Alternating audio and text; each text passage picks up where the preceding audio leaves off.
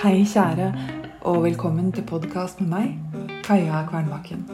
I dag med et fredagsbrev om uangst.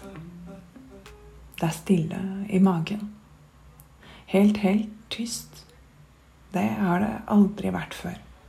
Nå sitter det en 78 år gammel bonde og tygger på et strå, ser utover åkeren.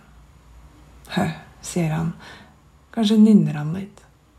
Men mest av alt sitter han bare der og ser sollyset lene seg mjukt ut av skyene og legge seg over de gylne stråbustene som fortsatt står igjen etter høstinga.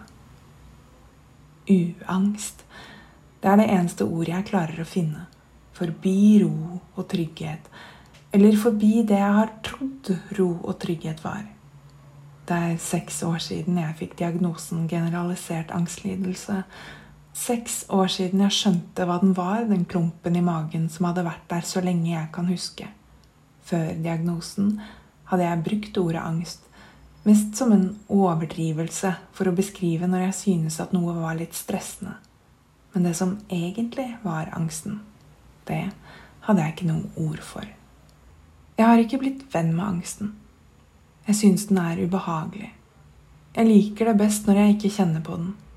Men jeg skjønner at den er en helt naturlig del av det å være menneske. Alle mennesker kjenner på angst, selv om ikke alle mennesker lar seg lamme helt av den. Jeg kommer til å kjenne på den igjen. Men denne uken har jeg kjent på uangst. For første gang i et snart 40 år langt liv.